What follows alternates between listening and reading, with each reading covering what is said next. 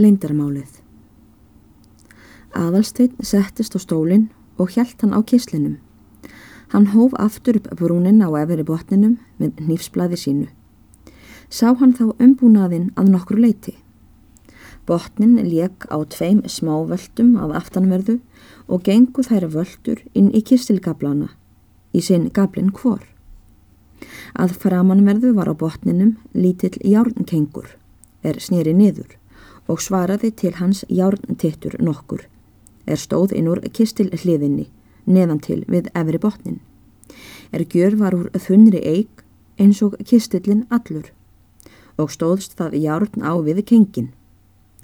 Og sá aðalsteinn að járnið áttu að ganga í kengin sem loka og halda svo botninum niðri. Að öðru leiti gat hann ekki séð umbúnaðinn á læsing þessari til hlítar. Þar eða hann var falinn innan í kistið hliðinni. Einungis réð hann af því átaki sem við þurfti til að opna botnin að sterkur fjadrakraftur heldi lókunni í kengnum. Meðan aðalsteinn lifti botninum upp með nýpnum, satt hann á stólunum og hjælt á kislinum. Að því búnu stóð hann upp og lagði kistilinn á borðið fyrir framann sig og hóf nú upp úr kistilinum tríastokk er dölist hafði milli botnana. Þetta var svo hlutur er aðalstinn hafði hirt reyfast þá er botnin rökk upp úr læsingunni en það var ekki annað að finna milli botnana en þennan stokk með því er í var. Stokkurinn var lóklaus, eigi mjög lítill ummáls en hliðarnar á honum og gablarnir hafði mátulega hæð til þess að stokkurinn væri skorðaður fastur milli botnanna þegar efri botnin var lokaður. En bylið á milli botnanna var aðeins rúmur þumlungur á hæð. Þessi stokkur var gjör úr ókennilegum við, gulleitum og hörðum mjög og var hann allur næfur þunnur. Aðalsteinn settist nú niður á stólinn og lagði stokkin á borðið Andlit hans vottaði mikla hugarræring, þá er hann leit ofan í stokkin. En hvað hafði þessi stokkur að geima?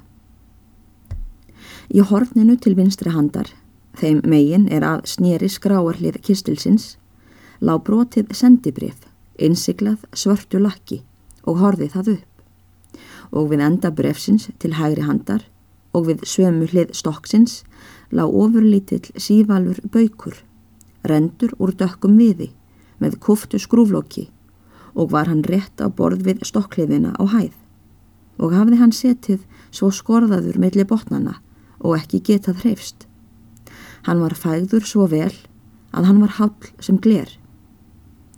En við hina hlið stokksins, þá er sneri að baki kistilsins, lág strángin okkur samanvafin að sjá úr lausum blöðum og brefmeðum með stórum og bundin dökkur konuhárslokkur utanum. Blaðastrángi þessi var ekki all lítill og hafi þjappast niður í stokkin og fengið að nokkru leiti flata lögun af þristingunni er hann hafi mætt á kistilbotninu mefri. Jafn skjótt sem aðalsteinn leitt stokkin kendi hann hárleitt móður sinnar á lokkinum. Nú bar ekki fleira fyrir augun í þessum stokki og hafði hann nokkur veginn hæfilega starði til að rúma það sem í honum var. Henn ungi maður satt undrunar fullur og horði niður í stokkin. Það var sem hann næstum kynúkaði sér við að leggja hönd á þennan helgidóm móður sinnar. Hann fyltist innilegri gleði að því að fá þetta eftir hanna og þá viknaði hann um leið er hann virti fyrir sér þennan vott tryggrar og ógleiminnar elsku Þennan vott, þessa hluti er degjandi móðurhönd, hafði niður raðað til ókominnar tíðar, handa síni sínum. Aðalstein fann sig sætli nú, en þótt hann hefði ert stórfi eftir móður sína. Fögur og sætt tár glönsuðu á kinnum hans, þá er hann leit niður í stokkin. Það eina skildi hann ekki, fyrir hverja sög móðurleif þessi var honum ekki aðhend fyrir en nú. Lóksins reyfði hann hönd sína til að snerta við þeim munum er stokkurinn hafi að geima. Honum varð fyrst fyrir að taka baukinn í hönd sér. Hann var óvenjulega vel gerður, svo lítill sem hann var. Aðalsteinn skrúfaði lokið af og fann þá í bauknum gullbaug, vafinn í viðarull. Þessi baugur var all gildur en ekki stór. Hann var sem nýr og virtist óeitur með öllu. Innan í baugnum las aðalsteinn í skýru latinuletri stafina S.R. Honum kom þegar til hugar að stafir þessir myndu vera fangamark og fór að íhuga hvort hann geti kannast við fangamarkið, en hann gat það ekki. Það kom til dæmis ekki heim við fangamark föður hans, er var Eyjólfsson, og ekki fannst honum það koma heim við nokkurt nafn er hann þekkti, hvorki Karls konu. Hann gat því ekki uppgötvað hver þá stafi myndi átt hafa. Þá er hann hafði virt fyrir sér bögin litla hríð, án þess að geta glöggvað sig á stöfunum, let hann bögin niður aftur í bökin, vafinn í viðaröllina, skrúfaði því næst bökin saman og lagði hann á sinn stað í stokkin. Þessu næst snýri aðalsteinn aðtekli sinni að brefinu er lág í stokknum. Hann tók það og leit á einsiglið, er var kringlót með stafnum A í miðjunni og kannadist þegar við innsikli móður sinnar. Hann snýri brefinum við og las utan á skriftina til aðalsteins og kannadist þegar við hönd móður sinnar. Hann varð frá sér nömin af undrun. Fyrir neðan utan á skriftina stóðu þessi orð, reytuð smæra letri. Þetta bref lesist fyrr og nýtti aðalsteini eigi lítið við þessa uppgötfun. Hann leit þá ofan í stokkin aftur og sá annað bref, öllu þykra, er leið hafði undir hinnu. Það var tvílakkað með svörtu lakki og með innsikli önnu, móður aðalsteins, og stóð einnig á því utanáskriftinn til aðalsteins. Aðeins þessi tvö orði línu og með sömu hendi. Síðan stóðu þar fyrir neðan orð, reytuð enn með sömu hendi og voru þau þessi. Leindarmál mitt.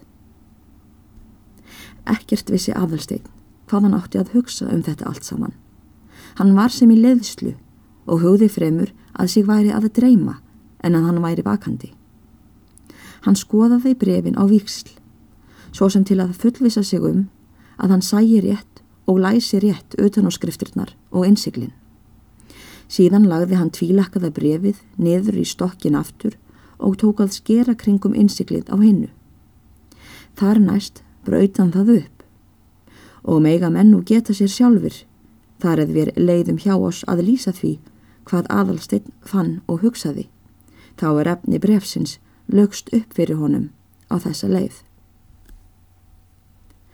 Heima á annan í páskum Elskulegi sónur Guðu gefi þér að lifa til þess að opna og lesa þetta bref mitt. Það er sem ég skrifi þér til úr miklum fjarska því að bref þetta má ekki koma þér fyrir sjónir fyrir en eftir fimm ár. Enda munum þá döðin og gröfin hafa skilið okkur fyrir löngu. Eftir rækilega umhugsun hefur mér þótt hlýða að hafa þennan frest og láta bref mitt vera svona lengi á leiðinni til þín.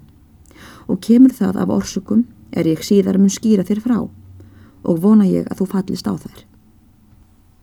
Ég skrifaði í gær, elskaðri vinkonu bref og hafi vilja mínum verið fullnægt, hafið þú getað orðið við þeirri bón sem ég beiti þig þá um leið í nokkrum línum, er ég skil þér eftir í kistilhandraðanum. Þá efa ég ekki að grundvöllur sé lagður til gæfu þinnar, að við leiti sem í mannlegu valdi stendur. Og ég ætla ekki að efast heldur um hitt, ég ætla að lifa og deyja í trú. Ég full treysti því að á þeirri stundu sem þú les línur þessar Minnir þú minnast hinn að ágætu hjóna í skálholti með maklegu þakklæti. Unna þeim með maklegri lotningu. Guði gefi því orði sigur.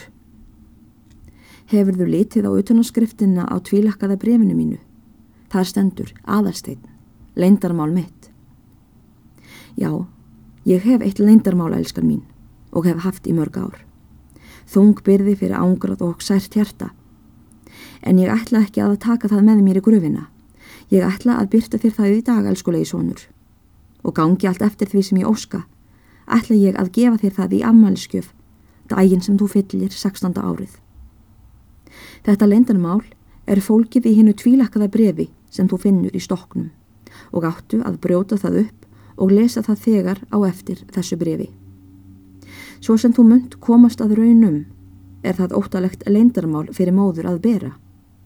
Í því brefi myndu lesa eitt kabla af æfisöguminni, eitt tvekja ára kabla, eitt kabla fullan með óta, örvætningu, táldregnar vonir, myrkar áhyggjur og eldheitar ástir. Hvers vegna byrti ég þér þetta? Að því það viðkemur þér aðarsteinn, eins og þú munt sjá. Ég er með þessum línum einmitt að búa þig undir að heyra. Það minsta sem ég get sagt er óvand að tífenda sögu. Því ég hugsa og segi, eins og ég hef hugsað og sagt, fram með sannleikann. Hver skildi ég dirfast að ganga inn í annað líf með líi á hælunum og það því líka líi. Nei, fram með sannleikann, því að samviskan krefur og móður ástinn dregur og allt rekur á eftir. Sýra Sigurður, móðurbróður minn, hreinskilnin sjálf, hefur skrifað mér tvö bref. Fyrst fyrirspurn út af grun, það er næst áskorun eftir hjáttninguna. Og Sýra Sigurður skal sjá ef hann lifir svo lengi að hlýtt verði brefi hans hennu síðara. Og þó var það hart í aðra röndina nógar hótanir, en bref hans var, eins og hann sjálfur, skarft, djart og hreinskilið. Þó var ég búin að ætla mér þetta áður, löngu áður. Hann hugsaði, hann bjóst við, að hann myndi þurfa að skrifa blessaður maðurinn. Og var það ekki líka von, en hann þurfti ekki að skrifa. Sisturdóttir hans ætlaði sér aldrei að krína yfirsjón sína með afneitun sannleikans. Ég hef reynd margt steinu minn, Þú munt fá sínishorn að því bráðum þegar þú lest skjalið sem ég skrifaði með grátandi tárum í nótt meðan þú svafst í saklósir í ró. Þá á þessari helgu upprísu hátíð þá sökti ég mér niður í hildibi óttalegra endurminninga í ringiðu ógnana og í myrkur sóllausra lífdaga.